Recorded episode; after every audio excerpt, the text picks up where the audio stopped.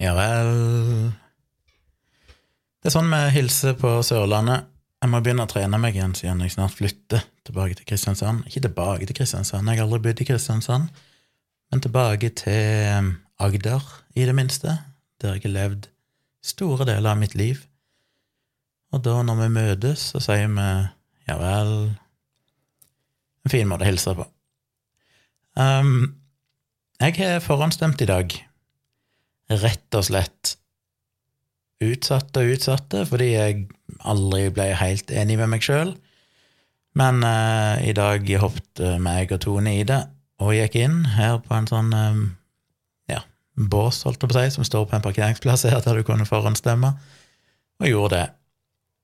Så akkurat hva jeg stemte, det får du vite mot slutten av episoden, hvis du er nysgjerrig på det. Men før det skal jeg snakke litt om uh, ting i livet mitt, og ikke minst så skal jeg gå litt videre med parti. Um, holdt på å si partilederdebatt, det skal jeg òg snakke litt om.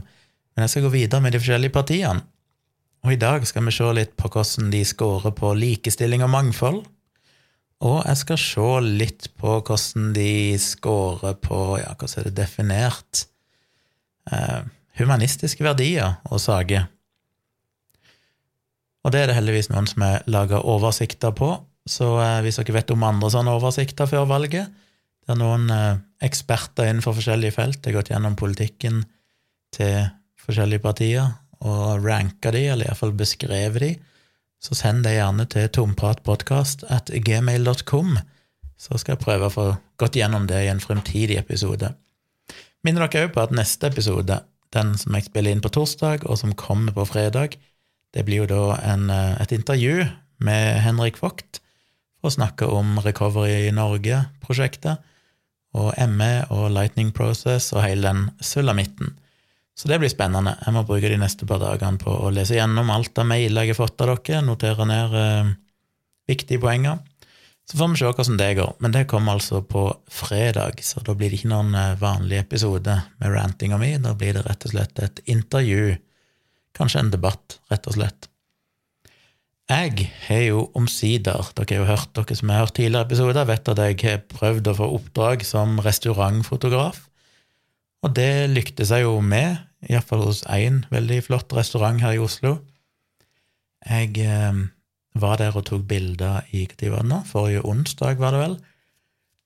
Og det var jo litt scary, som jeg snakka om tidligere. Jeg følte meg jo veldig som eh, femte hjul på vognen, holdt jeg på å si. Jeg følte meg ganske overflødig fordi jeg var der mens de, det kom gjester, mens de forberedte mat, og mens de serverte mat. og Det var litt sånn jeg følte meg i veien. Ikke at noen av de ga inntrykk av det på noe selvsvis. vis. De var veldig imøtekommende, og, ja, det var ingenting negativt, men jeg føler meg alltid sånn uansett.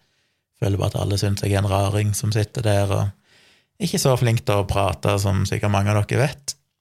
Så jeg blir litt sånn litt sånn flue på veggen og det er en sånn situasjon jeg trives best i, å bare kunne fokusere på å ta bildene og prøve å være minst mulig i veien for de som jobber der og sånn.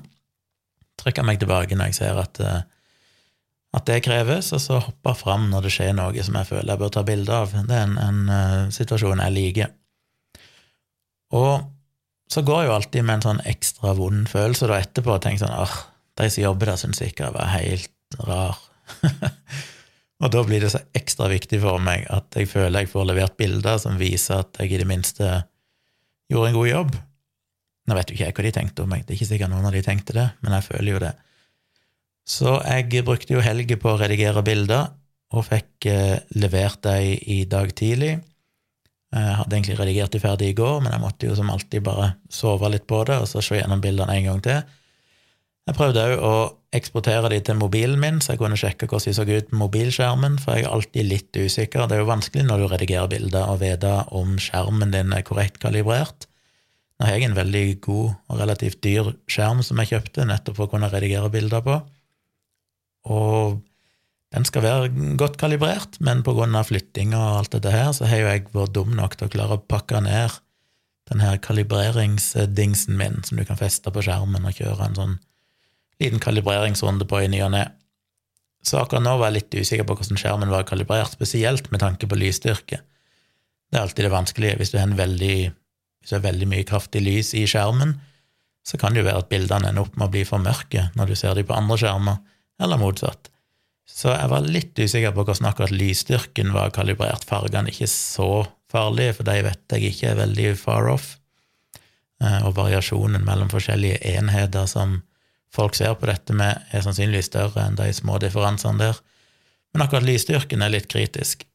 Så jeg sendte de til mobilen min og bare sjekka der hvordan ser det ut mobilen.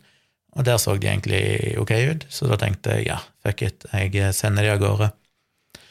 Og jeg bruker jo alle fotografer har som regel sine egne forskjellige løsninger de bruker. Det finnes mange populære. Jeg har prøvd litt forskjellig, men akkurat nå bruker jeg en som heter Pixie Set, som jeg egentlig er veldig fornøyd med. Den gjør det enkelt å opprette klientgallerier, altså du kan laste opp bildene, og så kan du sende en link til klienten, eller den som var modell, eller hvem det måtte være. Så kan jeg se bildene i et fint galleri, og kan laste de ned, og kan også bestille prints og fotoalbum og alt mulig sånn. Så jeg oppretta et galleri for denne restauranten og lasta opp bildene der, og sendte av gårde dette til han dagliglederen der borte. Og jeg må innrømme at jeg, jeg var ganske nervøs etterpå. Så jeg satt og sjekka innboksen min hele tida og satt og fulgte med. sånn, Har han sett på de? Har han sett på de? var han fornøyd? Og heldigvis så fikk jeg en mail tilbake igjen i ettermiddag der han sa han hadde veldig dårlig tid, bla, bla, bla, men han hadde kikka på bildene og var veldig fornøyd med de, eh, eller mer enn fornøyd med de, sa han. Så de innfridde definitivt, sa han, så han skulle få signert avtale og sånn i morgen, og sendte meg. Og jeg endte jo opp med å overlevere. Avtalen sier jo jeg skal levere 20 bilder, jeg leverte vel 84, så mer enn fire ganger så mange. Det var jo det kan jeg ikke gjøre hver gang, det er en dårlig businessstrategi, selv om jeg alltid liker å overlevere generelt sett, fordi jeg vil at kunden skal være fornøyd. Eh, men hvis jeg fôrer de med for mange bilder, så kommer de ikke til å trenge meg til å ta bilder så ofte, så det er jo ikke noen god business.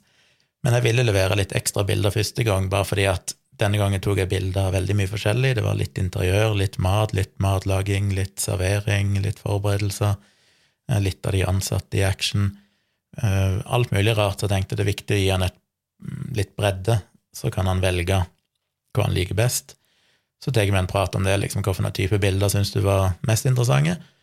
For min egen del, for eksempel, så syns jeg det er kult å ta fine matbilder, for den maten var jo så nydelig. Samtidig så kan det fort bli litt sånn statisk. Ja, hvis du har en meny, skal trykke de på en meny, så for all del. Men det opererer ikke de med. Det er jo en, en fin restaurant. Det er jo ikke en sånn uh, Egon-plass der du bilder matrettene på menyen. Dette er en plass der du har en minimalistisk, ferdigsatt meny for hver kveld. Og, uh, så det blir nok ikke brukt. Så bildene skal jo primært brukes i sosiale medier til markedsføring. Så da syns jeg det er fint å ha litt liv i bildene. Så jeg hadde ganske mange bilder der du ser maten, den er liksom i fokus, men det er kanskje ei hånd som serverer, eller har en del bilder der du ser at de tilbereder maten, eller at de holder ei skje og tømmer sky eller saus eh, som en sånn siste, siste finish på maten. Sånn at det liksom skjer et eller annet mer enn bare den statiske maten helt isolert sett. Og så vet jeg ikke om det er det de vil ha. Så det blir jo litt av det med Jeg får sikkert litt feedback på det i morgen. Men det viktige var iallfall at han var fornøyd med bildene. Jeg var jo Usikker òg, for de som jeg har snakka om mange ganger før. Det er så mange forskjellige veier å gå når han redigerer bildene. Jeg vet jo aldri helt hva kunden vil ha. Han har jo sett bildene mine fra tidligere av, og likte dem, Det var derfor han eh, ville ha en, eh, en deal med meg, men de er jo redigert i litt forskjellige stiler. Eh, jeg, jeg vet det er en del fotografer som har på en måte én stil. Det er liksom, Når du har sett bildene deres, så vet du hva du får. Og det er selvfølgelig fordeler med det, nettopp fordi da vet du hva du får. Kanskje jeg ender opp der en dag.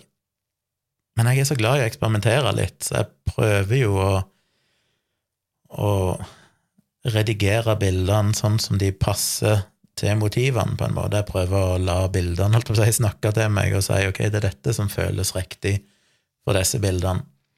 Um, hadde det vært andre bilder, så ville jeg kanskje redigert dem på en annen måte. Så her hadde jeg en utfordring med at det var en blanding av innelys og utelys. Det er alltid krevende, for det lyset utenfra er mye kaldere, mye blåere enn det lyset inne, som ofte er mye varmere, mye gulere, mer oransje. Og en del av bildene som jeg tok inn ifra, når jeg sto ute i restauranten og tok inn mot kjøkkenet, eh, der du har svære vinduer bak meg rundt hele restauranten som slipper inn dagslys, og så har du dette varme lyset inne på selve kjøkkenet, så kan det bli en veldig sånn forskjell i varmen i bildene. Så jeg prøvde å spille litt på det, og rett og slett uh, overdrev litt, sånn at du fikk en ganske stor kontrast. Det endte jo opp med litt sånn orange and teal, som de ofte kaller det, som er en sånn veldig filmatisk look, der du har litt sånn uh, blåaktig, eller hva heter det, turkisaktig uh, tone i Ja, det varierer vel litt. Jeg har variert litt om jeg legger det i, highlightsene eller i skyggene.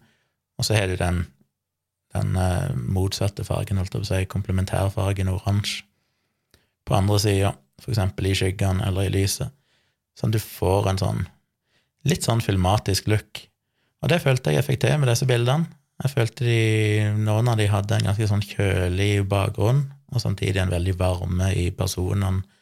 Og det syns jeg gir en sånn fin kontrast og en fin look som jeg likte veldig godt. Så etter jeg hadde tweaka meg fram til den looken, så laga jeg det som en slags preset, så jeg kunne enkelt få den samme fargetoninga på alle bildene. Og så gikk jeg gjennom alle bildene flere ganger og justerte de individuelt, for alle trenger jo å tweakes veldig individuelt òg, for det er forskjellige lysforhold og alt mulig sånn. Eh, så var jeg jo ganske nøye med at de bildene som inkluderte mat, der prøvde jeg å endre fargene minst mulig, sånn at det ikke det skulle gi feil inntrykk av produktet, holdt jeg på å si. Mens der det var mer Mm, interiør og mennesker og sånn, så var jeg litt friere til å kunne tweake litt på fargene, sånn at det ble litt mer filmatisk eller litt mer stilistisk.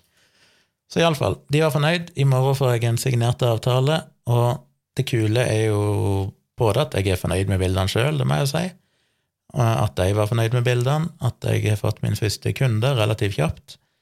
Eh, fornøyd med at jeg bare turte å hoppe i det, bare tenke fuck it, sende ut masse mailer til random restauranter. Jeg fikk jo riktignok med å takke um, kjæresten, samboeren til Ingeborg Senneset, eh, Jimmy Øyen, som var den første jeg tenkte på når jeg tenkte sånn hm, restaurant, hvem er det jeg vet som jobber i restaurant? Og han driver jo restauranten Rest, og er en veldig anerkjent og dyktig kokk. Så jeg tok rett, jeg har aldri møtt han, eh, anten at han var med på den jule, julaften-livestreamen vi hadde, meg og Tone, der han var med sammen med Ingeborg og livestreama litt med oss. Det var jo ifra deres leilighet eh, de satt, så jeg har ikke møtt han fysisk. Men eh, jeg er jo Facebook-venn med han og sånn, så jeg sendte han en melding og sa hva jeg hadde lyst til å gjøre, og spurte han om tips, og han ga meg et par navn. Han hadde fotograf sjøl, så han trengte ikke det til sin egen restaurant, men han ga meg et par tips, og det var et fint utgangspunkt, for da hadde jeg noen navn jeg kunne google, og den restauranten jeg endte opp med å få en avtale med, var ikke spesifikt et navn han ga, men han ga navnet på eieren som eier flere restauranter, og dette var en av de restaurantene. Så jeg sendte mail til dem og fikk jo da denne avtalen. Så jeg ante ikke hvor jeg skulle begynne, men jeg tenkte sånn, jeg får bare hoppe i det. Det kan ikke skade. Worst case, så får jeg ingen svar, og så skjer det ingenting. Men eh, jeg kan ikke bruke tid på å lage en profesjonell presentasjon, og alt mulig sånn, for da kommer jeg aldri til å få gjort det. Så jeg sendte jo bare ut en tekstmail og bare skrev 'Hei, hvem er jeg, og hva ønsker jeg', og 'Er du interessert?'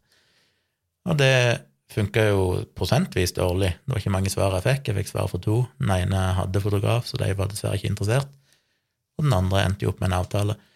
Men det er egentlig alt jeg trenger i første omgang. Det var liksom det som var målet. Jeg trenger bare å få den ene kunden som tør å satse på meg, sjøl om jeg ikke har noen referansebilder akkurat innenfor restaurant og mat.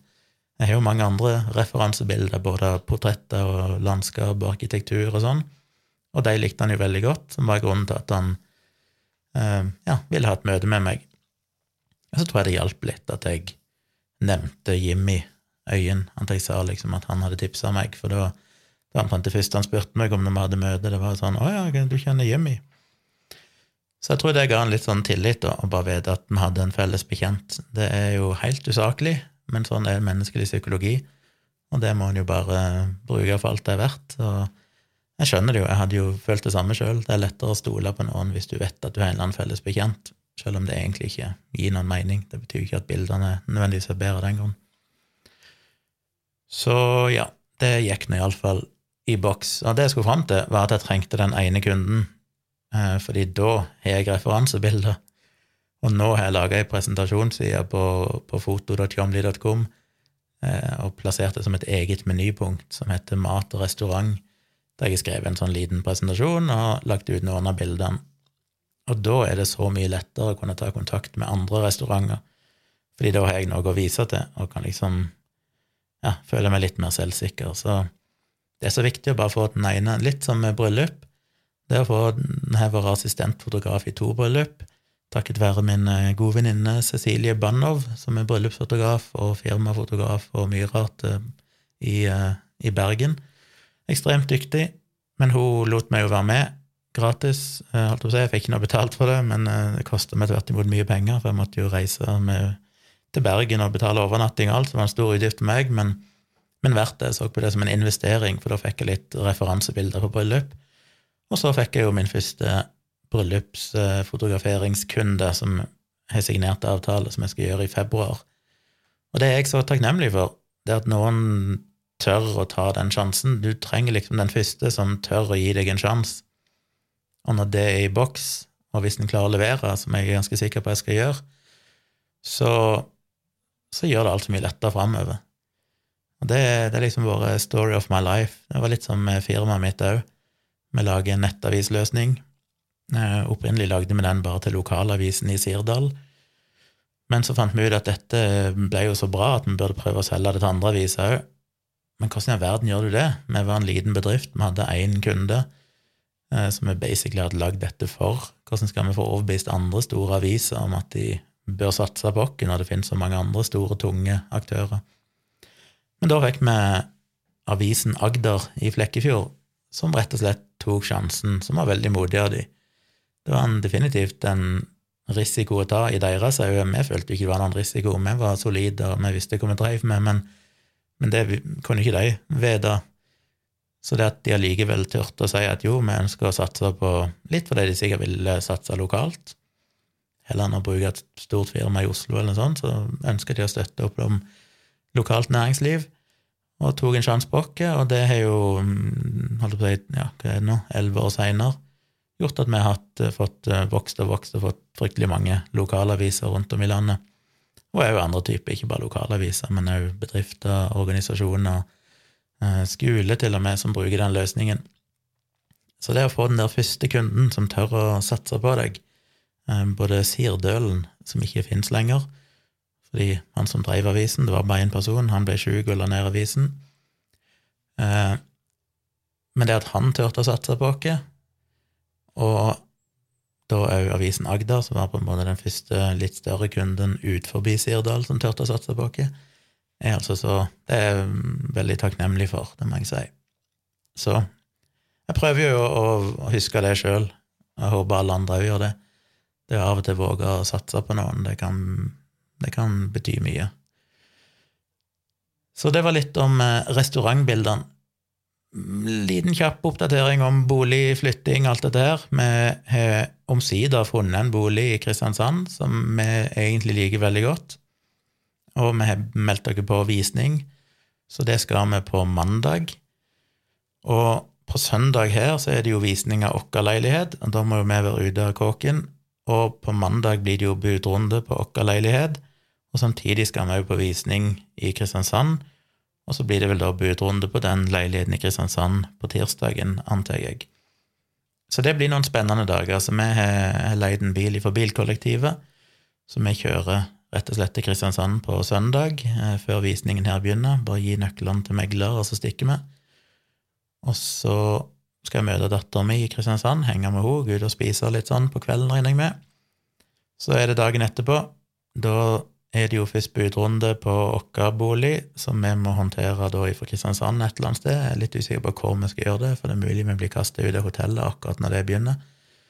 Så vi må kanskje sjekke ut litt før det og finne en eller annen rolig plass. Kanskje vi bare sitter i bilen, eller et eller annet sånt. Eh, eller kanskje vi stikker opp til, til Maja. Uh, hun er vel på skolen da, men uh, mor hennes er vel hjemme, så kanskje vi kan sitte der. Vi får se. Og sånn er det gjennomført, da får vi jo bare håpe at vi får eh, en god pris for denne boligen, for da stiller vi jo desto sterkere når vi skal by dagen etterpå på den andre. Men ja, så blir det visning der. Og det har vært lite boliger i Kristiansand, men det kommer jo en del på fredag, og det virker jo som at det er fredagene nye boligannonser kommer. Etter det så er det nesten ikke vært noen. Basically ingen, vel. Så spørsmålet er jo nå på fredag om det dukker opp noen andre. Det hadde jo egentlig vært fint om det dukker opp minst én til, som vi kunne kombinert og fått sett enten på søndag eller på mandag, når vi først er i Kristiansand. Så eh, hvis ikke, så blir det bare den ene boligen vi skal se på, og det håper vi jo innfri. Vet jo aldri. Kan det være når du kommer der, så kan det være at du tenker at dette her var jo mye mindre eller upraktisk, eller du ser et eller annet som ikke helt uh, svarer til forventningene ut ifra bildene, men, men foreløpig så ser det lovende ut. Og dattera mi er veldig gira på at vi skal få den boligen. Hun liker stedet vi har funnet, og likte vel boligen òg, og ja, satser på at det er et godt tegn at hun er så gira på han. Satser på at det betyr at det går vår vei. så det blir eh, spennende dager framover. Jeg har sett på partilederdebatt, noe som jeg normalt ikke gjør. Jeg har jo snakka mye om det tidligere, jeg er ikke noe glad i partilederdebatter. Og kveldens seanse bekrefter vel ettertrykkelig det. Det bare går opp for meg hvor ufattelig meningsløst de partilederdebattene er, fordi får, det, altså det er jo kun retorikk, det er jo ikke politikk uansett hvorfor et spørsmål som blir stilt, så har jo alle den beste løsningen, selvfølgelig, det må de jo ha siden de driver med politikk, men de presenterer jo bare de tingene som de vet at seerne ønsker å høre. Og det er jo det som er problemet med all politikk, at det er jo så mye mer sammensatt og komplekst. Så det er vanskelig å Altså, alle presenterer det jo omtrent som om de har akkurat de samme målene og akkurat de samme midlene som skal nå de målene. Så er jo spørsmålet hva går det på bekostning av? Hva er det dere ikke forteller? For det er jo alltid masse de ikke forteller, som ikke er så attraktivt. Og derfor så blir en jo ikke så mye klokere av å se en sånn partilederdebatt, for det Ja, og så er det dette med trynefaktor og hvem som er den beste til å prate, sånn som spiller inn, og det burde jo ikke ha noen ting å si. Det burde jo bare være selve politikken som betyr noe. Så jeg, ikke, jeg, ble ikke noe klokere, det må jeg si. Det, jeg tror rett og slett bare du blir mer forvirra og dummere av å se en partilederdebatt.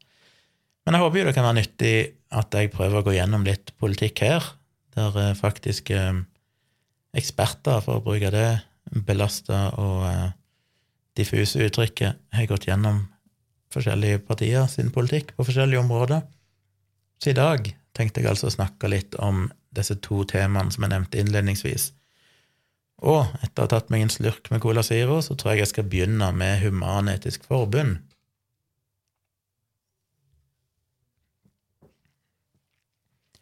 Jeg lenker jo til disse artiklene i shownotes og vil jo definitivt anbefale dere å lese de. Eh, det er jo to grunner til det. Det ene er jo at um, Ja, jeg kommer jo bare til å gå veldig overfladisk gjennom de, så vil dere ha hele bildet, så må dere lese de, og ikke nødvendigvis stole på alt jeg sier. Det andre er jo at en, når du leser alt, så kan det jo være at du oppdager at ja, men de har jo ikke lagt vekt på sånn og sånn, og de er egentlig ikke ikke sikkert du er enig i de tingene som blir trukket fram i disse artiklene, så det må du jo vurdere sjøl. Men jeg håper jo at det at jeg går gjennom de, både kan belyse de, altså trekke dere som lesere til å lese de, artikler dere kanskje ellers ikke ville ha funnet eller tenkt over å lese, og at uh, det kan gi et lite inntrykk iallfall av hvor forskjellige partier står. Så Human-Etisk Forbund har i løpet av de siste månedene gått gjennom forskjellige partiprogrammer etter hvert som de er blitt ferdige, eller etter hvert som de har hatt uh, Skal vi se hva de skriver. Um, og de har vel noen partier det ikke har gått gjennom. Nei, de har vel gått gjennom alle de store partiene, så vidt jeg kan se. Og det de er opptatt av, er tre punkter som Human-Etisk Forbund arbeider for. Én er sikring av demokrati, menneskerettigheter og ytringsfrihet. Punkt to er mer kunnskap om vitenskap og kritisk tenking. Og punkt tre er full likestilling mellom livssyn i en sekulær stat. Så det er jo de tre tingene de har gått gjennom og det er Lars Petter Helgestad og Even Gran fra den politiske avdelinga i Human-Etisk Forbund som har vurdert disse partiprogrammene. Så får jeg se hvor mye jeg går gjennom her. Men la meg begynne. De har liksom bare plassert de på rekke og rad her, så jeg begynner med Rødt. Og det var nå en artikkel som ble skrevet 4. mars, så det er jo en tid tilbake. Og da ser de først på HEF-mål 1, som er altså sikring av demokrati, menneskerettigheter og ytringsfrihet. Og der eh, gir de vel Rødt bestått på det området, men de skriver at partiets venstre autoritære arv fra 70-tallet henger igjen i prinsipprogrammet. Så de mener at Rødt fortsatt har en vei å gå, blant annet fordi Rødt i sitt prinsipprogram skriver at de baserer samfunnsforståelsen sin på marxistisk teori, og det er et mål for de å gå i retning av et klasseløst samfunn og det Karl Marx kalte kommunisme. Ja, så det kan en jo mene hva en vil om. De er jo tydelige på at de ikke vil gjeninnføre blasfemiparagrafen. De er jo veldig tydelig antirasistiske og har en del konkrete programpunkter på det området. Og de støtter òg en internasjonal rettsorden som ivaretar og forsvarer menneskerettigheter. Hefmål to, mer kunnskap om vitenskap og kritisk tenking. Der eh, er jo jeg veldig opptatt av at de partiene skal være nøye på det. Men Rødt har ingenting konkret om dette i partiprogrammet sitt. Så da er det ikke så mye å si om det. Hef skriver jo at de har jo ingen grunn til å tro at Rødt er motstander av, av dette, men de anbefaler å legge inn et punkt om det. Hef-mål nummer tre bare så jeg ikke sier noe feil her. Ja, dette er basert på forslag til programmene i forkant av landsmøtene, så vær obs på at det kan ha skjedd endringer her etterpå. Det kan være at de endelige partiprogrammene inneholder noe om dette, så det får dere sjekke. Hefmål nummer tre er full likestilling mellom livssyn i en sekulær stat, og der skriver jo Rødt at de ønsker at den norske staten skal være atskilt fra alle trossamfunn, og det er jo Hef veldig, veldig glad i. De skriver videre at alle tros- og livssynssamfunn må behandles på lik linje med andre frivillige organisasjoner som søker støtte til sin virksomhet. Der blir Hef litt usikre eh, hva det egentlig betyr. Hmm. Uansett. De skriver videre at eh, de vil anerkjenne ethvert tros- og livssynssamfunns rett til å etablere seg, men ikke akseptere aktiviteter som bryter med norsk lov og da påpeker jo Heff at ja, det er jo bra, men det er viktig å ha sånne selvfølgeligheter. Men det sier jo seg sjøl at uh, du kan ikke akseptere noe som bryter med norsk lov, men ok. Og så skriver de et filosofi-, livssyns- og religionsfag som ikke favoriserer noen trosretninger. Og der er jo Heff veldig enige, men de foreslår at de kunne endre det til filosofi-, livssyns- og religionsundervisningen i skolen skal være mangfoldig og ikke forkynnende, den skal ikke favorisere noen trosretninger. Så en liten presisering der, men, men ja. Uh, ja. Nå det mer å trekke fram jeg kan som sagt ikke ta alt. De har noe å kritisere til slutt. De mener at denne, den pågående atskillelsen mellom stat og kirke må fullføres både juridisk og praksis, praktisk. De mener at uh, forvaltning av offentlige gravplasser overføres fra Den norske kirke til kommunene, og de har flere punkter som de mener at Rødt burde hatt med. Um, ja. Så det var litt om Rødt. Det er jo ikke så overraskende hva de står egentlig. Miljøpartiet De Grønne, altså MDG, hva mener de? Dette er skrevet Ja, denne står det ikke noe dato på, faktisk. Jeg er litt usikker på når den er skrevet. Men iallfall ifølge URL-en som jeg ser i adressefeltet, så er han publisert i mars 2021, så da er det vel omtrent samtidig. På nummer én, med sikring av demokrati, menneskerettigheter og ytringsfrihet, så sier Heff at eh, de har mange konkrete tiltak for å styrke demokrati, inkludering, rettsstat og menneskerettighet. De finner blant annet et kapittel om media og offentlighet, der det underliggende målet er å styrke ytringsfrihet og deltakelse, og de vil grunnlovfeste viktige rettsstatsprinsipper for å sikre oss mot totalitære krefter i framtida. Det mener Hef er bestått, selv om de ikke er enig i alle de konkrete punktene.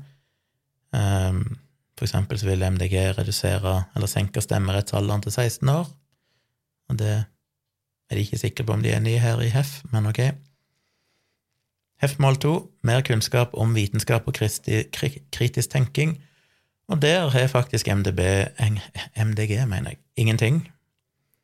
Um, på samme måte som Rødt, så har de ingenting konkret om dette.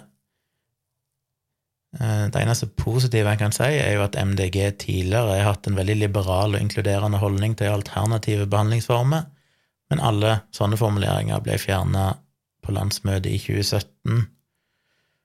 Um, de avviste òg et forslag til årets landsmøte om å gjeninnføre momsfritaket for alternative behandlinger, eller alternative behandlere, noe som forsvant ved nyttår. Det ble òg heldigvis avvist av MDG, så det er jo bra. Det kom òg et forslag om å styrke andelen ikke-medikamentelle behandlingsformer.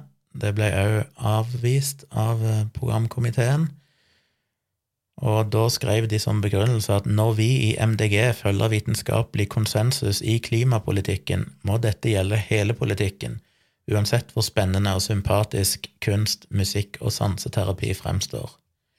Og det syns jeg jo er en bra begrunnelse. Hefmål nummer tre full likestilling mellom livssyn i en sekulær stat.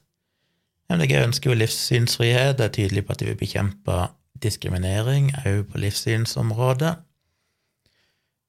Um, MF roser jo MDG for måten for begrepsbruken. De bruker, bruker annet begrepet religiøse og ikke-religiøse livssynssamfunn, som Hef mener er en mye mer presis betegnelse enn det vanlige tros- og livssynssamfunn, eller religion og livssyn.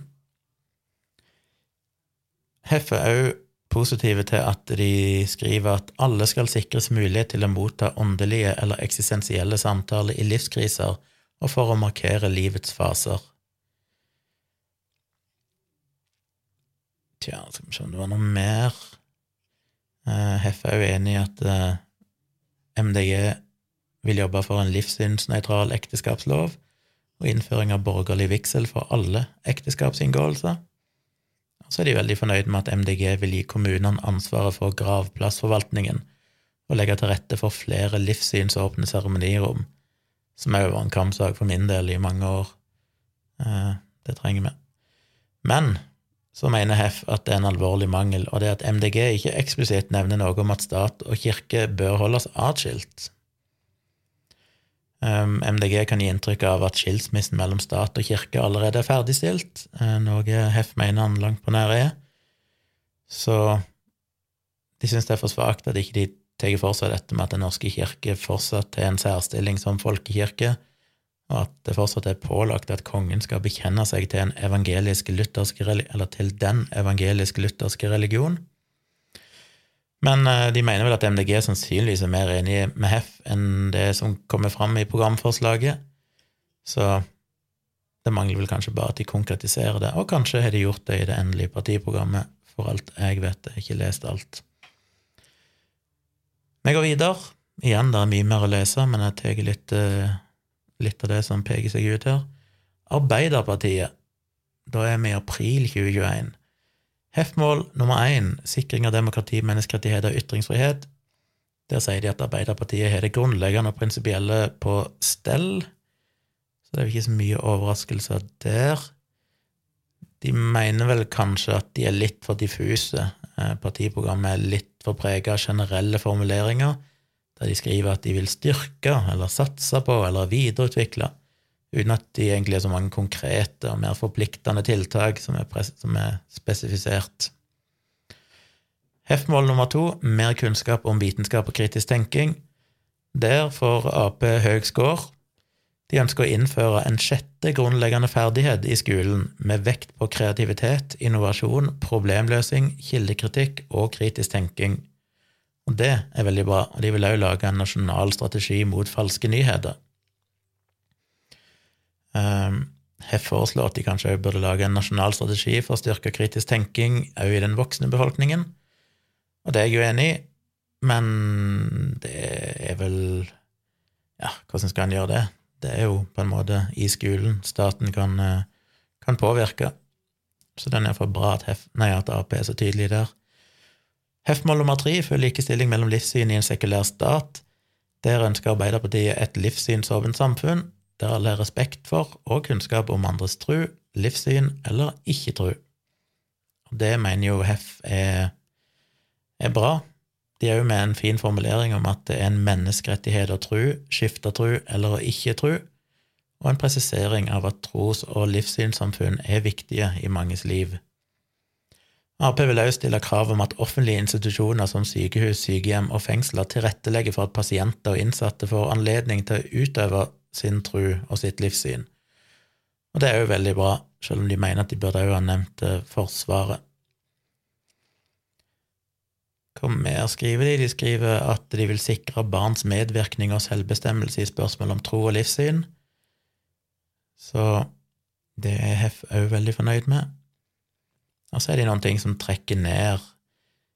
De har for eksempel en formulering som er sånn at Norge har en kristen og humanistisk arv som vi tar med oss i møte med et stadig mer mangfoldig samfunn.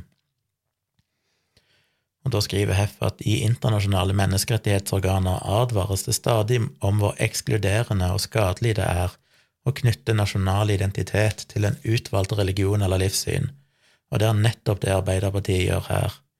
Formuleringen oppretter et implisitt, et skille mellom oss på den ene siden, det vil si bærerne av Norges kristne og humanistiske arv, og dem som vi møter der ute i det stadig mer mangfoldige, mangfoldige samfunnet.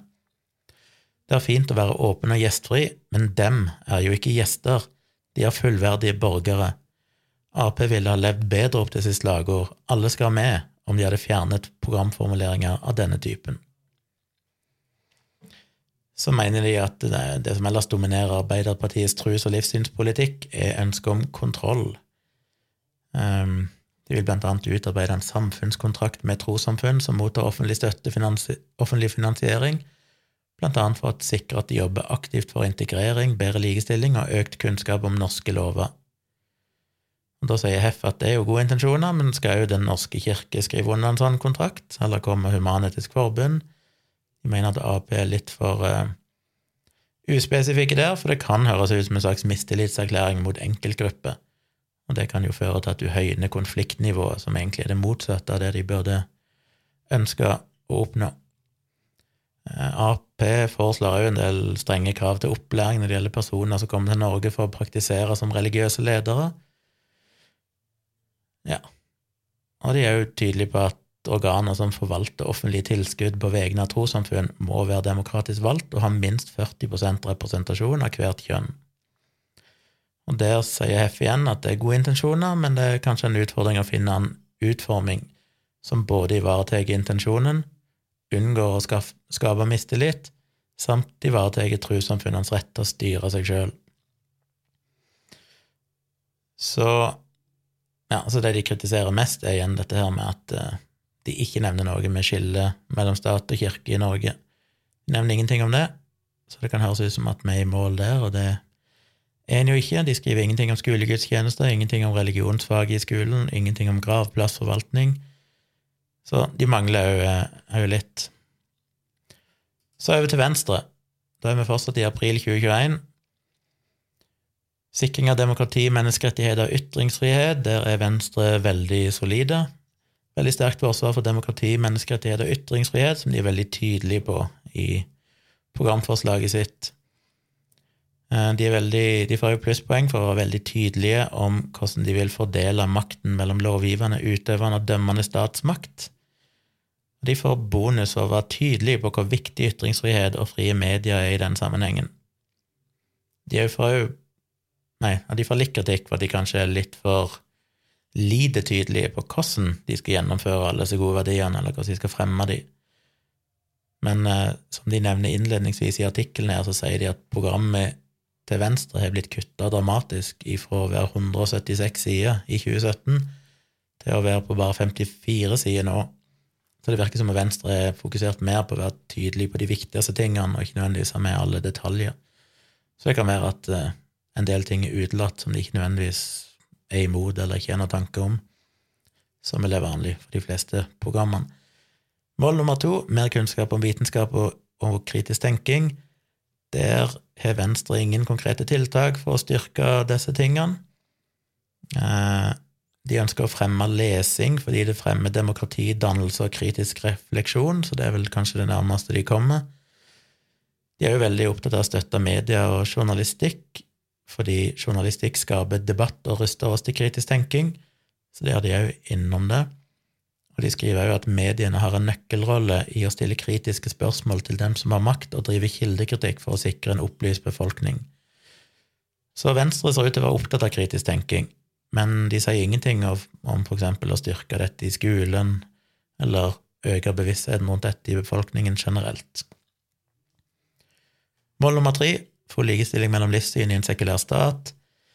Tradisjonelt sett har Venstre leie veldig tett opp til Human-Etisk Forbund i tros- og livssynspolitikk, og det gjør de fortsatt.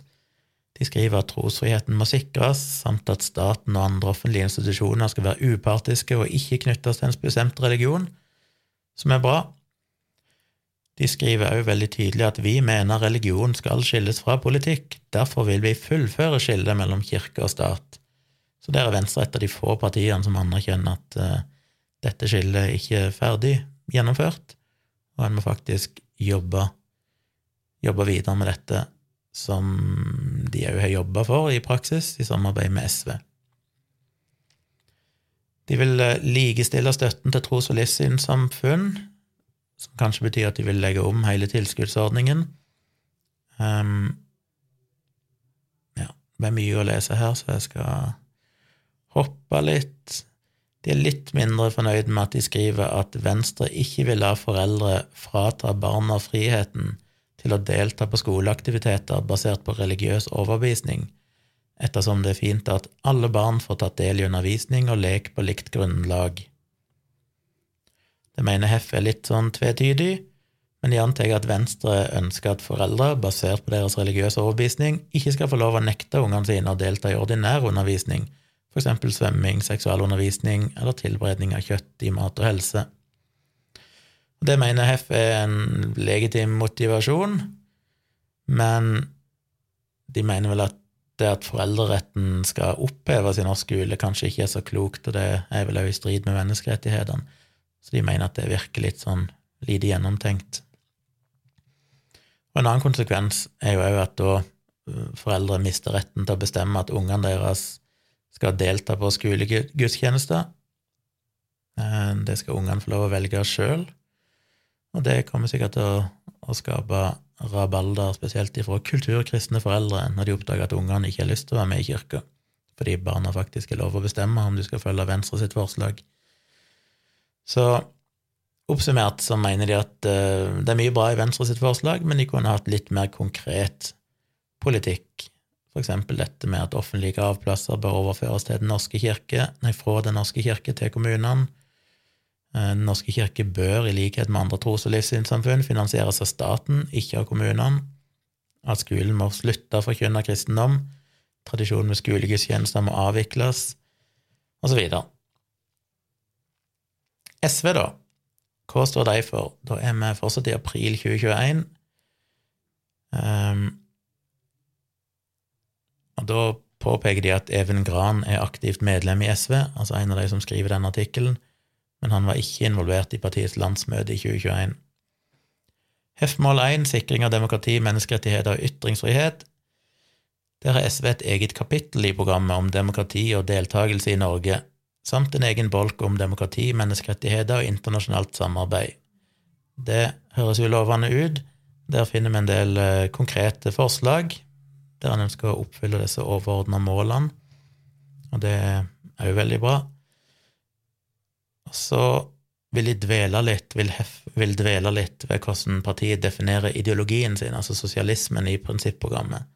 Og Der skriver de det kapitalistiske systemet må erstattes, nasjonalt og globalt, av et demokratisk, bærekraftig og behovsstyrt økonomisk system. Det er sosialisme. Og Da stiller jeg spørsmål med hvor legger de egentlig i å erstatte det kapitalistiske systemet, men hvis det innebærer en tvangsmessig statlig eierskapsovertagelse av privat eiendom, så er det grunn til å minne om at det er ganske klare begrensninger på hvor langt du kan gå i den retningen uten å bryte menneskerettighetene, fordi den private eiendomsretten har et tydelig menneskerettslig vern men de skriver òg videre nede i prinsipprogrammet at et sosialistisk samfunn har behov for markedsmekanismer. Så SV konstaterer jo at markedet på en del områder er den beste måten å organisere produksjonslivet på, og det kan jo tyde på at de egentlig ikke vil avskaffe kapitalismen helt allikevel. Så litt sånn uklart. Heftmål to, mer kunnskap om vitenskap og kritisk tenking. Eh, der skriver de at de vil gå inn for at kildekritikk og kritisk lesing av digitalt tilgjengelig informasjon får større plass i skolen. Og det er veldig bra, men Hef mener at det er litt for slapt og uforpliktende. At noe skal få bedre plass i skolen, blir fort litt glemt i praksis. Og der mener jeg jo at SV må vedta mer konkrete og forpliktende formuleringer på dette med å øke forståelsen for kritisk tenking og vitenskap både i skolen og i den norske befolkningen, fordi det er helt sentralt for å ha et, eh, for å ha et velfungerende demokrati, og det er jo noe som jeg tror ofte blir litt oversett, men det har vi jo sett definitivt eh, de siste årene med USA og for så vidt under pandemien, at hvis ikke folk forstår, behersker kritisk tenking og forstår seg litt på vitenskapelige metoder og sånn, så, så går det utover demokratiet. Det ser han jo med oppvekst av konspirasjonsteorier som QAnon og alt mulig sånn, som en direkte trussel mot et, eh, et fritt, velfungerende demokrati. De skriver òg at uh, ja, at de hadde en formulering som var sånn at barn, elever og studenter må mestre mange ulike fagfelter og trenes i å samarbeide med andre, være kreative og tenke kritisk, men det er de visstnok eh, fjerna i prinsipprogrammet sitt. De velger å anta at det ikke betyr at SV mener kritisk tenking er blitt mindre viktig siden eh, sist, men de anbefaler at de tar inn igjen den formuleringen, for den var veldig tydelig og klar og så HEF-mål tre, full likestilling mellom livssyn i en sekulær stat. Der har jo SV stått veldig nært Humanitisk Forbund eh, tradisjonelt sett, og det gjør de fortsatt. De skriver at eh, verken staten eller offentlige institusjoner bør ta stilling i trus- og livssynsspørsmål, men bidra til at alle innbyggere skal stå fritt til å velge livssyn og religiøs praksis. Og det, sier HEF, innebærer jo en tydelig avvisning av statskirkeordningen, og full støtte til de sekulære prinsippene som Human-Etisk Forbund baserer seg på. Så det er de jo veldig fornøyd med det. Og så siterer de et uh, eget avsnitt som står i prinsipprogrammet til SV, som lyder sånn I et samfunn med stort livssynsmangfold må staten være livssynsnøytral. SV arbeider for en sekulær stat. Et slikt samfunn krever imidlertid at livssynsfriheten er sterk Gjennom prinsippet om en tolerant sekularisme vil vi arbeide for respekt for enkeltmenneskets rett til å tro, samtidig som fellesinstitusjonene i samfunnet er livssynsnøytrale. SV vil derfor fullføre skillet mellom stat og kirke i Grunnloven og legge likebehandling til grunn for statens politikk. Og Det følger de også opp av konkrete tiltakspunkt som de syns er bra. Ehm, de får også pluss for at de vil at alle innbyggere skal ha tilgang til livssynsnøytrale seremonirom. Og det syns jeg er viktig. For de som ikke vet hva det er, så er det jo rett og slett at skal du gjennomføre en begravelse eller bryllup og sånne ting, så er det fortsatt gjerne kirker som er liksom det lokale du har tilgang til. Det burde vært mer livssynsnøytrale seremonirom, både for folk som er ikke-troende, for muslimer, for andre religioner som ikke er så prega av kristendommen. Vil også, SV vil òg innføre et felles mangfoldig og sekulært religions- og livssynsfag i skolen, det vil si de vil avskaffe dagens KRLE-fag, som òg var viktig for HEF i alle år, og de får òg plusspoeng for å skrive at de vil støtte organisasjoner som gir hjelp til mennesker som bryter ut av trus- og livssynssamfunn. Det er jo noe som Humanitisk Human-Etisk Forbund har for. Og så har SV et interessant punkt, skriver de. SV vil hindre at noen blir regna for å høre til et trus- og livssynssamfunn uten å ha meldt seg inn. Og det mener Hef er utmerka, Det er jo snakka om det i mange år, dette med at det var mye rot i medlemsregistrene til kirka, folk som har meldt seg ut flere ganger, men fortsatt står som registrert i statskirka og alt dette her. Men Hef mener at denne utfordringen allerede i stor grad har blitt løst etter at kirkens tilhørigordning er avskaffa samt den nye trossamfunnslovens krav om aktivt samtykke som et premiss for medlemskap. Men de mener at formuleringen fortsatt er aktuell for de mange som automatisk blir oppført uten samtykke i medlemsregisteret til Den norske kirke, eller de som ble det på slutten av 90-tallet, eh, og som fortsatt stender som kirkemedlemmer på grunn av det. Så de håper jo at SV, da, hvis de ender opp i regjering, kan eh, jobbe for å rydde opp i det. Eh,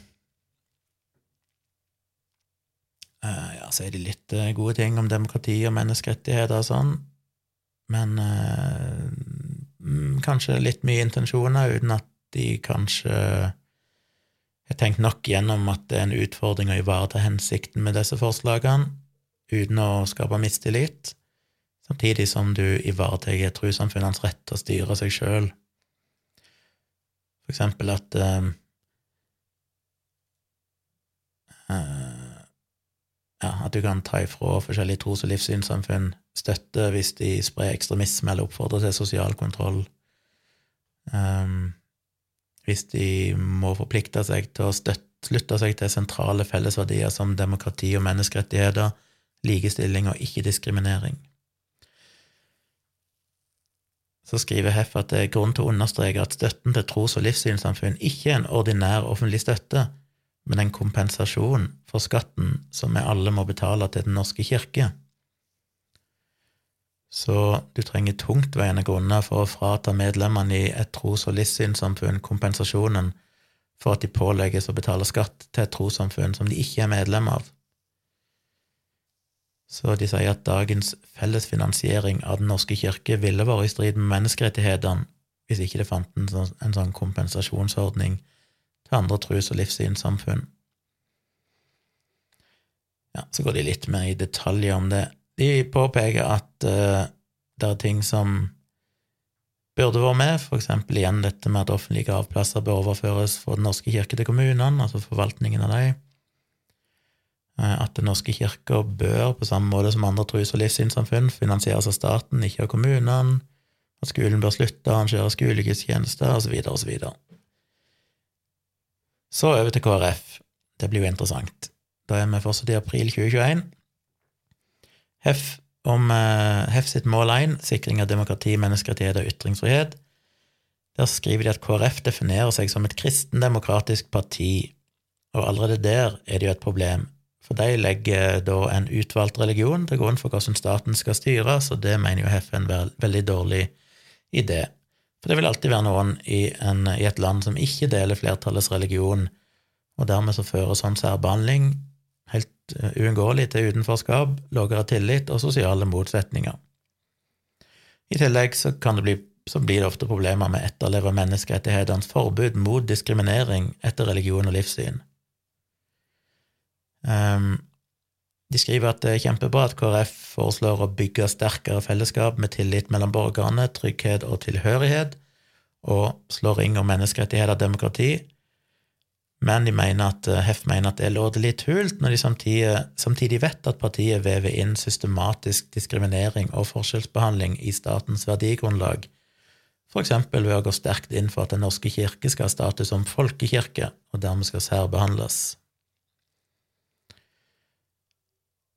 Ja. Heftmål to, mer kunnskap om vitenskap og kritisk tenking. Der skriver de under overskriften, altså KrF skriver under en overskrift i prinsipprogrammet 'En bedre fremtid med kunnskap og forskning'. Så skriver de at studenter bør utdannes til å bli aktive medborgere med evne til kritisk tenking, analytiske ferdigheter og etisk refleksjonsevne. Og det er en god intensjon, men utover det så finner en ingen satsing på kritisk tenking og vitenskap, verken i skolen eller i befolkningen generelt. Så de burde ha nevnt noe om fake news og utfordringer for demokratiet hvis ikke folk eh, støtter opp om eh, kritisk tenking og vitenskap, for å kunne skille mellom hva som faktisk er sant og ikke sant, osv. Mål nummer tre full likestilling mellom livssyn i en sekulær stat. Og det sier jo seg sjøl at et parti som heter Kristelig Folkeparti, ikke kommer til å skåre så bra her. Men de er faktisk ikke så dårlige på livssynslikestilling som en skulle tro. Um, de har jo, som Heft påpeker, så er de viktige velgergrupper i frikirkeligheten, en bevegelse som blant annet har stått sammen med Hef i arbeidet mot statskirkeordningen, så KrF er derfor brukt å være ganske ryddige i prinsipielle spørsmål rundt likebehandling av tros- og livssyn.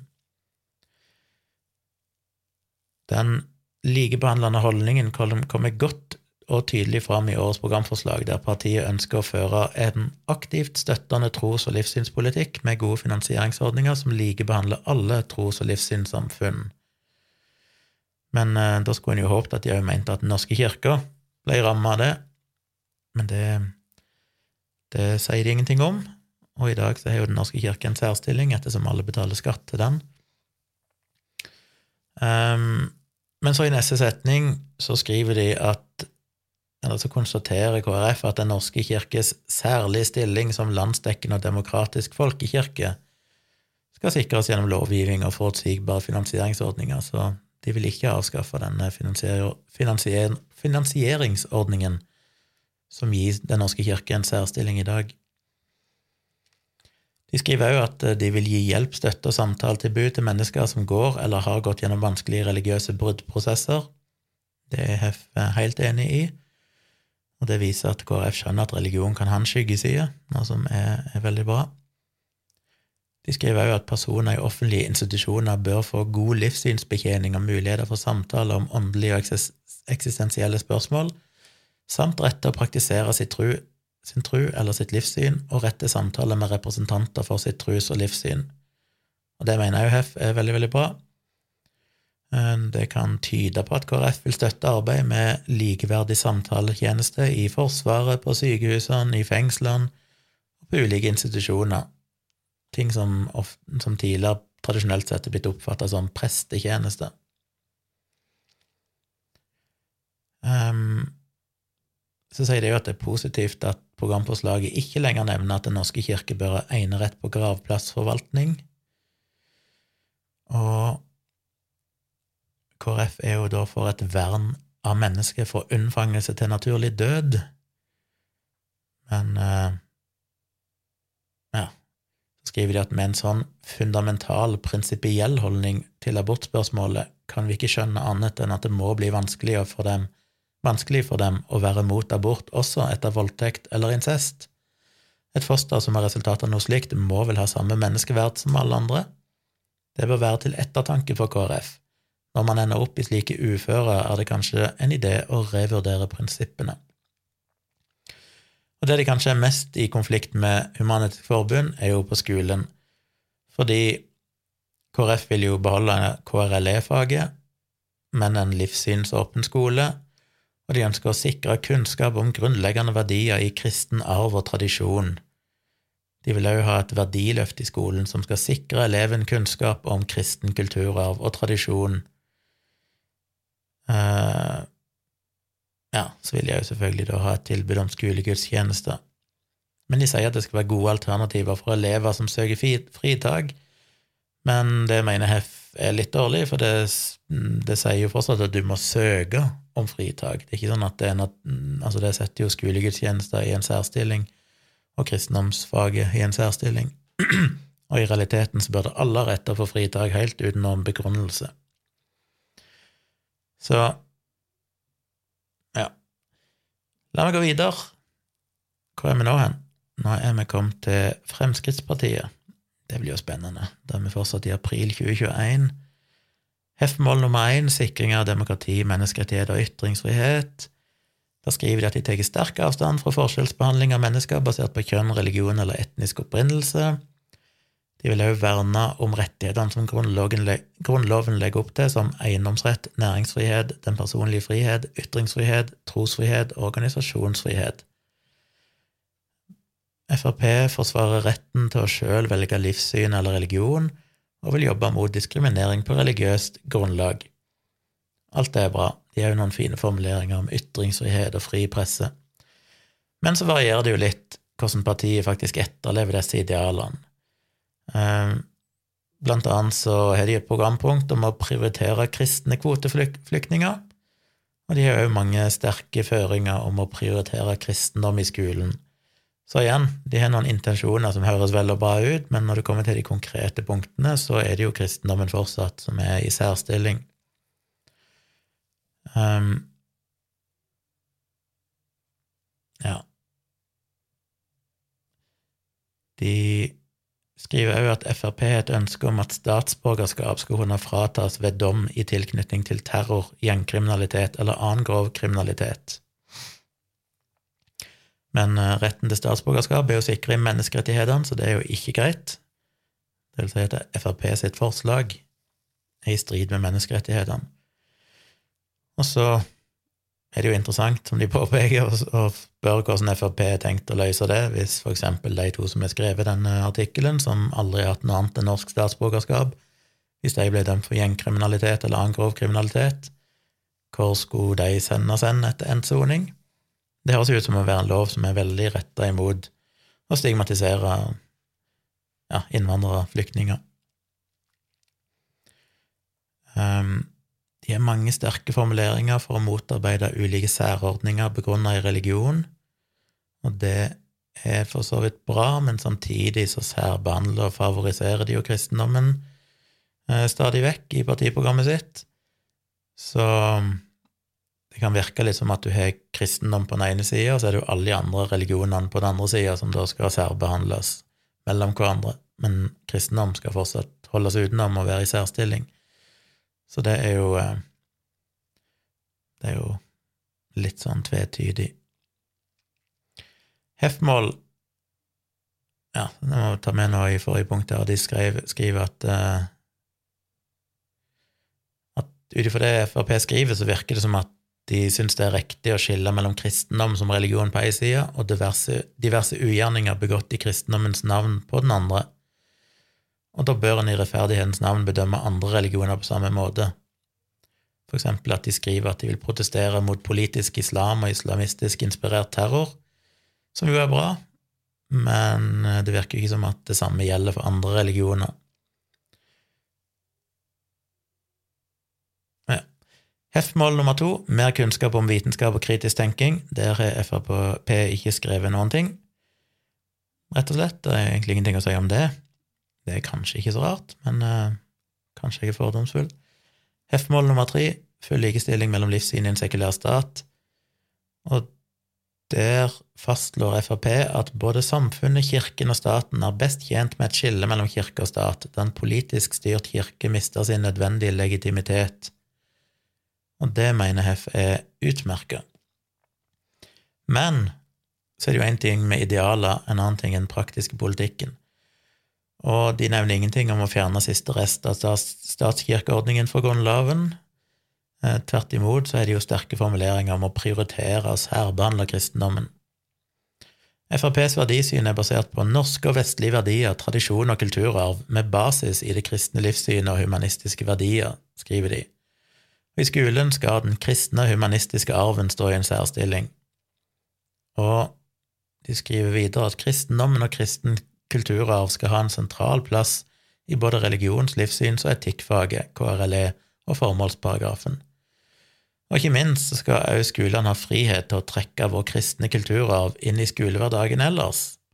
Frp mener det skal være obligatorisk å arrangere skolegudstjenester, men de åpner for at du kan søke om fritak, som jo er rart, ettersom alle i realiteten har rett til fritak uten begrunnelse. Så de skriver jo, ja, Så det er jo veldig tvetydig at de skriver jo at de ser på den kristne kulturarven, vestlige verdier og skillet mellom religion og politikk som grunnleggende verdier i det norske samfunnet, som er ganske selvmotsigende. Um, er det noe mer å ta tak i her? Eh, de vil ikke tillate synlige religiøse, ideologiske eller politiske symboler som en del av Forsvarets uniformer. Og da er det interessant å spørre hva Frp har tenkt å gjøre med feltprestene. Frp går inn for å tillate aktiv dødshjelp, og de vil òg fjerne tilskuddsordningen for trossamfunn for alle. Eh, de vil fjerne tilskuddsordningen for trossamfunn for alle. Ja. Og det inkluderer altså Den norske kirke. Så det er bra. Men så er spørsmålet mener de egentlig det, for de skriver videre at de vil sikre tilskudd for å ivareta kirkebygg med kulturhistorisk verdi samt lovpålagte oppgaver. Og ettersom Den norske kirke er den eneste trus- og livssynssamfunnet som har lovpålagte oppgaver, så høres det ut som at de fortsatt vil eh, vil ha Den norske kirke, at de skal få en egen finansiering fortsatt, og dermed bli særbehandla i forhold til andre tros- og livssynssamfunn. Det var Frp. Vi nærmer oss slutten. Høyre. Det er vi i mai 2021. Minner fortsatt om at dette er basert på programforslag, så det kan som sagt være endringer, tilføyelser, ting som blir fjernet i de endelige partiprogrammene. Så hvis dere hører jeg sier noe som dere er nysgjerrig på, sjekk det ut i praksis. Dere finner alle parti partiprogrammene på nettsidene til de forskjellige partiene. HEF-mål 1. Sikring av demokrati, menneskerettigheter og ytringsfrihet. Der har jo Høyre alle de rette, rette ideene. Um, men så er de kanskje litt tynne på hvordan de skal følge opp alle de gode prinsippene i praksis, men idealene er iallfall eh, de riktige, skriver Heff. Heff-mål nummer to, mer kunnskap om vitenskap og kritisk tenking. Der skriver de at eh, skolen skal gi rom for dybdelæring, refleksjon og kritisk tenking. Men det finner du bare i prinsipprogrammet og ikke i arbeidsprogrammet, skriver de, så det er litt synd. Um, så mener de jo at de burde hatt noe, som de har sagt stort sett alle de andre partiene, noe litt mer bevisstgjøring òg blant andre voksne, ikke bare folk i skolen. Og så HEF mål nummer tre, full likestilling mellom livssyn i en sekulær stat. Der har jo Høyre pleid å, støtte opp om Den norske kirken som en folkekirke, men i prinsipprogrammet så skriver de nå at staten ikke skal ha noen religion. Men så skriver de videre av historiske grunner er likevel Den norske kirke i en særstilling blant tros- og livssynssamfunn. Og de skriver òg at Høyres politikk bygger på en kristen og humanistisk kulturarv. Så Så da skal visst staten ha en religion allikevel, og den religionen er kristendom. Eh, de skriver òg at Norge som nasjon og samfunn har en klar historisk tilknytning til den evangelisk-lutherske kristne tradisjonen, og at kirkens kulturelle betydning også for ikke-troende ikke kan underdrives. Så sier Heff at den kunne jo være grei å bare si at dette er en sånn rent deskriptiv konstatering av fakta, men siden de velger å trekke det fram spesifikt, så må man jo anta at de òg mener dette normativt, at det òg skal være sånn, det er sånn det bør være. Så det er, eh, som de skriver, et utfordrende standpunkt å forsvare i et livssynsåpent samfunn. Men så er de veldig tydelige på at de vil forby eh, utenlandsk finansiering av trossamfunn i Norge. Det syns Hef er veldig bra. Eh, nei, det skriver de ikke nødvendigvis. De sier at eh, de er veldig bastante på det, det er ikke noe kriterier eller forbehold. Og da sier Heff at det var veldig strengt. Skal ikke den katolske kirka i andre land få lov å gi penger til sine norske menigheter. Kommer de nordiske folkekirkenes avdelinger i Norge, skal prinsippet òg gjelde andre veien. Altså når norske tros- og livssynssamfunn støtter trosfeller i utlandet, f.eks. Sjømannskirken eller misjonsarbeid i utlandet, skal det være forbudt. Eller hva Humanitisk Forbund gir støtte til sine søsterorganisasjoner i Danmark og Sverige. Så det høres ut som en, et forslag som eh, de kanskje har tenkt skal være en god ting, men ikke tenkt bredt nok og sett hva er egentlig konsekvensene av dette i praksis. Men så skryter de av Høyre. Det er det eneste partiet som eh, har med et eget programpunkt om Human-Etisk Forbund. For de skriver under overskriften Tro og livssyn, så skriver de det er viktig å respektere og sikre sekulær og humanistisk, ikke-religiøs utøvelse ut fra den enkeltes, enkeltes tro og ønske så må de bare følge det opp i praksis, da. For eksempel så mener Heff at de da òg burde programfeste at alle bør ha tilgang til livssynsåpne seremonirom, at du bør sikre en livsåpen og mangfoldig samtaletjeneste i Forsvaret, sykehus, fengsler, sykehjem og andre offentlige institusjoner. Høyre ønsker òg å vurdere retningslinjer for en etisk og verdig gravferdpolitikk. Um, og det høres jo bra ut, uten at de nødvendigvis skriver så mye mer om det. Og så vil Høyre òg, det må innom i en tidligere episode, de vil, eller i forrige episode, de vil òg innføre forbud mot konverteringsterapi og sikre ytringsfriheten for både religiøse og religionskritiske ytringer. Og det syns Hef er bra. Men generelt sett så mener de at tros- og livssynspolitikken for Høyre er veldig tynn. Og igjen så er det en del punkter som mangler, eksempel dette med forvaltning av offentlige gravplasser bør overføres fra Den norske kirke til kommunene livssynsåpne seremonier omtaler, Um, at Den norske kirke bør finansieres av staten, ikke av kommunene. De må slutte å forkynne kristendom i skolene, skolegudstjenester bør avvikles, osv. Så, så det er en del mangler der. Og så til slutt Senterpartiet, og da er vi i juni 2021. Det var det siste partiet som holdt out. Hefmål 1, sikring av demokrati, menneskerettigheter og ytringsfrihet. Der vil eh, ja, Som vanlig så har en jo stort sett de samme verdiene her. Det er vel ikke mye som skiller partiene på disse områdene. Spørsmålet er vel mer hvilke konkrete punkter de har for å ivareta disse tingene. Um,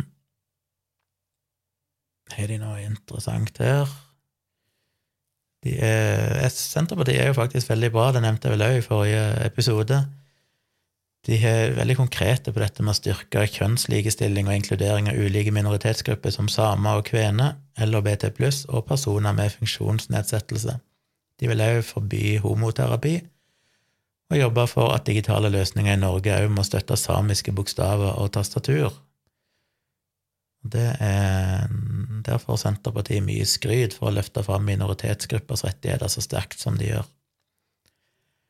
F-mål 2 mer kunnskap om vitenskap og kritisk tenking. Der gjør også Senterpartiet det godt. De slår fast at skolens hovedmål er å fremme kunnskap, ferdigheter og kritisk tenking. Og de fremhever òg, eller understreker òg, på en fin måte skolens rolle som en viktig arena for fellesskap, dannelse, kulturformidling og demokratiforståelse. Uh, ja.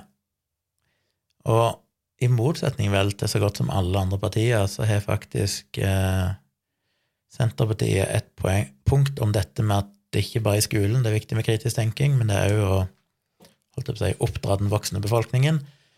Så de skriver i programforslaget sitt at uh, kritisk tenking og kildekritikk blir stadig viktigere i en tid der informasjonsstrømmen er større enn noen gang, og der mye av dette skjer på sosiale medier.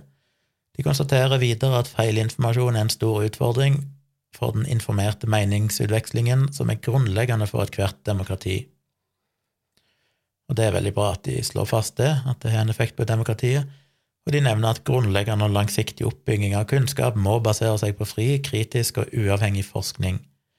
Veldig, veldig bra. Så til det siste målet, Hefmål 3, full likestilling mellom livssyn i en sekulær stat. Og der skurrer det litt med HEF, Um, Senterpartiet har i mange tilfeller vært Hef sin tydeligste motstander i arbeidet med å skille stat og kirke. Men de har dempa den statskirkeretorikken en del i seinere tid. Men de nevner jo fortsatt den eh, kristne kulturarven flere steder i programforslaget. Eh, verdigrunnlaget til Senterpartiet blir betegna som den kristne og humanistiske kulturarven. Skolen skal ikke være verdinøytral, sier Senterpartiet men tar utgangspunkt i vår kristne og humanistiske kulturarv. Og hva er det? Jo, det er verdier som likeverd, likestilling, ytringsfrihet og demokrati. Men da stiller jo Heft spørsmålet med ja, det er flotte verdier, men hvorfor må du kalle det for kristne og humanistiske kulturarv? Eh, det er jo fellesverdier som burde være samlende og ikke splittende ved å knytte det til en religion. Så det er uheldig. Men de slår òg fast at mangfoldet av trosretninger og livssyn i befolkningen må reflekteres i politisk, økonomisk, juridisk og institusjonell likebehandling av tros- og livssynssamfunn. Og det er veldig, veldig bra, og helt i tråd med det HEF ønsker. Men jeg mener igjen, som med mange andre partier, at det er litt sånn double talk. De snakker mye om at det skal være eh, likebehandling av alle tros- og livssynssamfunn, men stadig vekk så så særbehandler de Den norske kirka, som er litt sånn rart. De skriver riktignok at kirken er en viktig tradisjons- og kulturbærer for lokalsamfunn i hele landet, men de slår jo fast at kirken er et trossamfunn, så dette handler ikke bare liksom om historie og kultur, men òg det religiøse aspektet. Um, og de vil òg videreføre skolens adgang til å avholde skolegudstjenester og at sognet skal være en grunnleggende enhet i Den norske kirke. Så de mener at det er litt eh, selvmotsigende i forhold til deres verdier som de utbasunerer ellers i programmet. Um, Skal vi se Før så ville Senterpartiet beholde en grunnlovsforankret folkekirke, men nå bruker de ikke ordet folkekirke noe plass i programmet, og det høres jo bra ut. Så de generelt sett mener at Senterpartiet går riktig vei. Eh, igjen så påpeker de jo at de burde hatt med noe at restene av statskirkeordningen burde vært fjernet fra Grunnloven. Dette med gravplassene, dette med livssynsåpne seremonier om at KRLA-faget bør avvikles, eh, videre. Finansiering av Den norske, eh, den norske kirke bør på samme måte som andre tros- og livssynssamfunn finansieres av staten, ikke av kommunene. Skolen må slutte å forkynne kristendom. Skolegudstjenester bør avvikles, videre og så. Så det var en gjennomgang av alle de noenlunde store partiene og de store partiene, så dere kanskje vet litt mer om hvor de står hen i dette spørsmålet. Nå blir dette en lang podkast, men allikevel, siden valget nærmer seg, så skal jeg gå gjennom dette med likestillingspolitikk. Og det er utarbeida av Norsk Handikapforbund, og det skal gå en del kjappere, for her er det ikke sånne lange, detaljerte utredninger. Her er det en litt mer eh, tabloid tilnærming med terningkast. Og når du ser likestillingspolitikk, så tenkte jeg med en gang uh, likestilling mellom kjønn, men her handler det jo om likestilling og mangfold, altså på mange områder. Så da skriver de at mange partier beveger seg i stort retning stort skritt i riktig retning, men ingen er helt i mål. Og den som får best her, med terningkast fem, fordi det er veldig bra, men de har fortsatt en vei å gå før de får terningkast seks, som ingen fikk, det er Miljøpartiet De Grønne, altså MDG. Um, ehm, terningkast fire, det får Arbeiderpartiet, Rødt og SV. Terningkast tre går til Senterpartiet, men det får òg KrF. Men de er på en måte skilt deg allikevel, siden Senterpartiet skal høre sammen med de rød-grønne partiene, mens KrF er på en måte den beste av de borgerlige partiene på dette. Venstre og Frp får bare terningkast to, og Høyre kommer dårligst ut med terningkast én, som er litt uh, rart, kanskje. Um, skal vi se om de skriver noe mer. De sier at sju av ni partier forplikter seg til å gjøre FN-konvensjonen om funksjonshemmedes menneskerettigheter til norsk lov, slik det er gjort for de, for de tre andre disk diskrimineringskonvensjonene. Um, I inneværende periode så vi at regjeringskonstellasjonen gjorde at to partier, Venstre og KrF, gikk bort fra sitt løfte til velgerne og sto sammen med partiene Høyre og Frp, som ikke ønsket å gjøre CRPD, altså den eh, Hva er det forkortning, forkortelse for noe igjen? Eh, det er denne FN-konvensjonen om funksjonshemmedes rettigheter. De ønsker ikke å gjøre den til norsk lov. Så MDG kommer best ut når det gjelder akkurat det, og Høyre og Frp kommer dårligst ut, siden ingen av de vil gjøre CRPD til norsk lov. Og De fire punktene som Norges Handikapforbund har lagt vekt på, er 1. at partiene knytter funksjonshemmede tydelig til sin likestillingspolitikk, og anerkjenner at funksjonshemmedes rett til likestilling og likeverdig deltakelse på alle samfunnsområder er et spørsmål om menneskerettigheter. Punkt to at FN-konvensjonen om funksjonshemmedes rettigheter, altså dette CRPD, blir innlemmet i den norske menneskerettighetsloven. Det vil dessuten være positivt om partiene forplikter seg til å ratifisere tilleggsprotokollen om individklageadgang, og at man vil oppheve de norske tolkningsunntakene i konvensjonsteksten. Punkt nummer tre at partiene fastsetter tidsfrister for når Norge skal være universelt utformet, og at man gir prioritet til universell utforming av grunnskoler, altså retten til å gå på nærskolen, og alle andre utdanningsinstitusjoner.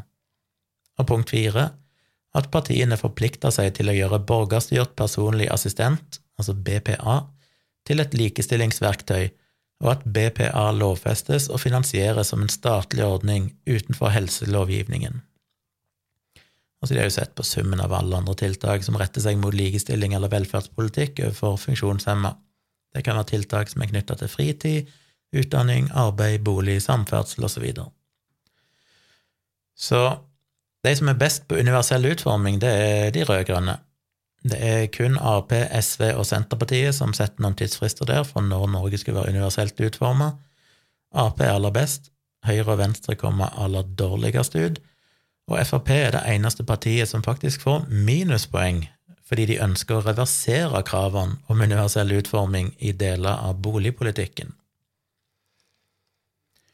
Ehm, men i politikken for å styrke BPA, altså hva var det nå igjen, eh, borgerstyrt personlig assistent, så er det Frp som kommer best ut. Når det gjelder Ja, det var vel de tingene de trakk fram. Så her kan en gå inn og, og se på tabeller der de går litt mer i detalj, og rangerer forskjellige ting, forskjellige punkter her, med terningkast. De har hatt uh, Hva er det Jeg tror det er tre forskjellige folk som alle har gått gjennom partiprogrammene og gitt sine individuelle scores, og så har de gått inn og gitt en, uh, et gjennomsnitt basert på de tre rådgiverne sine vurderinger. Og så har de konvertert det til poeng og terningkast og sånn. Og så, bare som en litt morsom greie, så har de òg satt sammen noen regjeringsalternativer og sett på hvor mange poeng får de forskjellige alternativ alternativene. Og Da skriver de at en regjering med parlamentarisk flertall fra Ap, Senterpartiet, SV, MDG og Rødt vil gi 81 poeng. Og dette Skal vi se Ja, hvis alle hadde skåra fullt, så hadde du fått 225 poeng for alle ni partier. Eh, og det høyeste de fikk totalt, var 108 poeng. Så det mangla jo litt. Det var bare to ganger et parti fikk maks eh, poeng, og det var MDG som fikk full pott om CRPD, og Ap som fikk full pott om universell utforming. Så alle partiene har et stykke å gå. Men det partiet som kommer best ut med tanke på likestilling når det gjelder eh, rettigheter og sånn til handikappa, det er altså en regjering med Ap, Sp, SV, MDG og Rødt. Nest best er en regjering som består av Ap, Senterpartiet og SV. Det får 46 poeng. En regjering med Høyre, KrF, Venstre og Frp får bare 27 poeng. Og en regjering med bare Høyre, KrF og Venstre gir bare 21 poeng. Så Frp trekker faktisk litt opp der. Så ja, så kommer det jo en sånn fin, liten grafikk det går an å dele, med terningkast og smileys og alt mulig sånn. Skal ikke gå gjennom den, jeg lenker til denne artikkelen òg, så du kan gå gjennom og se. Og Avslutningsvis vil jeg jo si at jeg syns dette er, som jeg har sagt før, en, en, mye bedre måte å sette seg inn i partiene. Se hva de faktisk er, for det, dette er jo komplisert for alle. Og jeg stoler jo litt på og høre hva ekspertene innenfor de forskjellige interesseområdene faktisk mener om politikken, og se hvordan de rangerer det. Ved forrige valg så kom SV nesten på topp eller på topp i omtrent alle sånne rangeringer, som var en av grunnene til at jeg stemte SV. For jeg tenker at hvis alle interesseorganisasjonene mener at SV er den beste politikken for dem, så, så tenker jeg det er en, en god ting. I år så kommer jo SV ikke på topp her når det gjelder handikappa, det mener de gjorde ved forrige rangering. De er faktisk blitt forbigått av Miljøpartiet De Grønne. Og ja, jeg får vel avsløre hva jeg stemte i dag, i min forhåndsstemme. Som alle vet, holdt jeg på å si, sikkert som hører på, så har det egentlig stått mellom MDG og SV. Jeg har vært veldig fram og tilbake. Jeg har stemt SV ved alle de siste valgene. Og som jeg har sagt, det er veldig mye som er likt mellom SV og MDG. Jeg har jo sagt at det aller viktigste er, klima, miljø, så alt annet blir på en måte mindre viktig. Men ettersom MDG og SV basically skårte likt når det gjelder klima og miljø, så sto det jo litt sånn hva andre ting er det her som spiller inn. Og jeg har tatt noen valgomater på nytt etter jeg har satt meg litt mer inn i ting og svart på nytt, og jeg registrerte at på valgomatene nå så har faktisk MDG rykka litt ifra SV i den scoren jeg har fått. Så da endte jeg opp med å stemme MDG. Det hadde jeg ikke trodd jeg skulle gjøre, men etter den siste klimarapporten fra IPCC, eh, etter å ha lest meg litt opp på forskjellige ting, etter å ha tatt noen valgomater, så stemte jeg MDG, rett og slett, Var det det beste? Det vet en jo aldri. Men jeg tenker at det sto mellom MDG og SV. De forskjellene der vil ikke være dramatiske på noen ting. Og når det gjelder klima og miljø, så er jo de to partiene best. Så, så jeg tenker at det, det var litt tips om app. Men jeg, jeg har liksom en følelse av at, som jeg sa i den episoden om klima, at det å stemme på MDG gir kanskje et sterkere signal om klimakampen, om at det er viktig. Jeg ønsker at MDG skal få skal øke en del for å synliggjøre at dette er noe som norske, det norske folk ønsker, at alle skal satse mer på. Jeg tror at å få MDG inn på Stortinget vil være viktig. Eh, kanskje viktigere enn at bare SV får flere representanter inn. Jeg tror det er viktig å få både SV og MDG godt representert i Stortinget så godt det er mulig. Eh, for er du begge de partiene, så tror jeg en kan nå lenger, og det vil òg være et viktig signal igjen om at klima er, er viktig. Jeg tror de vil ha, kunne ha ganske stor innflytelse på andre partier gjennom det de har å bidra med på den fronten. Så min stemme gikk til MDG, rett og slett. Så får jeg se hva jeg mener om det etter hvert. Tidlig på at jeg kom til å angre så veldig. Og jeg må jo nevne til slutt at en av grunnene til at jeg valgte MDG, er at det er mange personer jeg syns er flinke og har verdier jeg støtter opp om, som er i min omgangskrets, i sosiale medier videre, som eh, jeg tenker at hvis de er så tydelig aktive i MDG, så kan det ikke være helt feil å stemme MDG. Det er folk jeg kjenner mer eller mindre, og tenker at de er nok mer opplyst enn meg på mange av disse tingene, og hvis de går god for MDG, så, så er det jo en sånn liten tillitsvekker, uten at det var noe avgjørende, men det gir meg en sånn ekstra trygghet på at ok, det kan ikke være helt feil å stemme, MDG. Så det var nå eh, mitt valg. Hvis dere har flere sånne gjennomganger, som sagt, så er det bare å sende det til tompratpodkast.gmil.com. send meg link, så jeg kan gå gjennom det. Har dere noe innspill å komme med til dette, send meg gjerne mail om det. Eh, har dere andre tips, andre spørsmål, ting dere vil skal ta opp, send meg mail om det. På torsdag blir det altså intervju med Henrik Vogt, så har dere noen siste innspill angående den debatten, send meg mail om det òg. Jeg vil avslutte med å komme med et par tips. Først, noen har sikkert fått med seg at den andre podkasten jeg har sammen med Tone, den som heter Virkelig grusomt, har hatt en liten pause, og det er som sagt grunnet flytting. Jeg rigger ned hjemmestudioet mitt, som dere vet. Så akkurat nå har vi litt pause. Vi er litt usikre på når vi kommer tilbake igjen, men vi kommer tilbake igjen. Så det er bare en midlertidig pause, så ikke slutt å abonnere. Eh, før eller senere så dukker det opp en ny episode. Vi må òg minne om at det blir en ny VI-prat på onsdag kveld inne på kritisketenkere.no. Det er jo et forum for kritiske tenkere som jeg vil alle skal gå inn og registrere seg på. Det er helt gratis uforpliktende. Men du kan eh, gå et nivå opp og bli betalende medlem, både for å støtte mm, forumet i seg sjøl, som er ganske dyrt å drive. Eh, du støtter jo podkasten min, bloggen min, alle de andre tingene jeg driver med som jeg ikke har noen inntekter på. Så ved å bli betalende medlem, så gir du god støtte til det. Og det er tre forskjellige nivåer. Du kan bli støttemedlem, som er den mest sånn symbolske støtten. Og du kan bli VIP-medlem, som koster litt mer, men da får du en del tilbake igjen òg, av eh, videoforedrag, lydbøkene mine, bonuspodkaster og sånn, og denne VI-praten, eller VIP-praten, som er hver onsdag, som er altså en Zoom-konferanse du kan delta i. Og som nevnt tidligere, du trenger ikke ha på kamera, du trenger ikke ha på lyd, men vi håper jo at du gjør det. Men det er hyggelig om du vil delta uansett. Kanskje du bare vil høre på og være flue på veggen. Men eh, bli gjerne med. Så for å bli det, så går du inn på kritisketenkere.no, bli medlem, eh, sign opp for å bli eh, VIP-medlem eller et nivå høyere, som er den innerste sirkel, som òg gir deg tilgang til VIP-medlemskap i tillegg, som en bonus. Og da kan du delta i VI-prat, så da må du gå inn og melde deg på det under events, og så får du da en link til den Zoom-konferansen som du kan delta i klokka åtte på onsdag.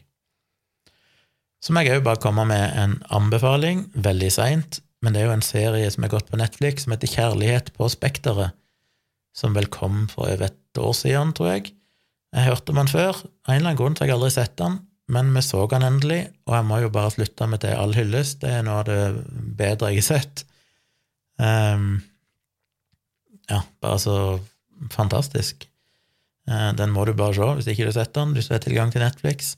Sjekk ut Kjærlighet på Spekteret. Den heter på engelsk eh, Love on the Spectrum, eller noe sånt. I tilfelle du har engelskspråklig Netflix. Sjekk ut den. Utrolig, utrolig bra. Hva gjorde jeg nå av uh, notatet mitt? Der, ja. Jeg kjente meg jo selvfølgelig igjen i mye. det var kanskje ekstra interessant av den grunn. Uten at jeg har noen eh, diagnose for autisme eller noe sånt, så har jeg jo alltid mistenkt at jeg er på det spekteret en plass. Fordi det er så mye der som er Selvfølgelig er det mye alle kan kjenne seg igjen i, som bare går i generell eh, Det er skummelt å date, og kjærlighet er vanskelig, og alt dette her, men, men mange av de her spesifikke tingene, måten de oppfører seg på, måten de soner ut på, måten de har tics, måten de uh, er rare, måten de ikke helt skjønner greia med å ikke bare si ting som de er, Eh, alle sånne her eh, reglene i samfunnet som du må forholde deg til for å være liksom i gåsehud et normalt menneske. Alt det der som jeg òg har slitt med, og delvis er motstander av. Men jeg har vært flink å innrette meg etter, føler jeg. Det kjente jeg meg veldig igjen i. Så det var rørende, å få noen fantastiske personer. Så sjekk ut den. Ja, det var vel alt. alt alle punktene på lista mi, og det ble en lang episode. Så da gjenstår det jo bare å takke for at du hørte på. Hvis du syns dette var nyttig eller interessant, så setter jeg veldig pris på at du deler det på Twitter og Facebook. Kanskje andre har nytte av å høre min gjennomgang av disse tingene i de tre siste episodene, hvis de er usikre på hva de skal stemme på. Og jeg håper jo vi kan komme tilbake igjen neste tirsdag med enda mer politiske eh, innspill. Rekker det før valget? Ja, det gjør vi. Det er bare 17. august ennå. Så husk å sende meg tips om det hvis dere finner noe. Takk for at du hørte på. Jeg er tilbake igjen på fredag.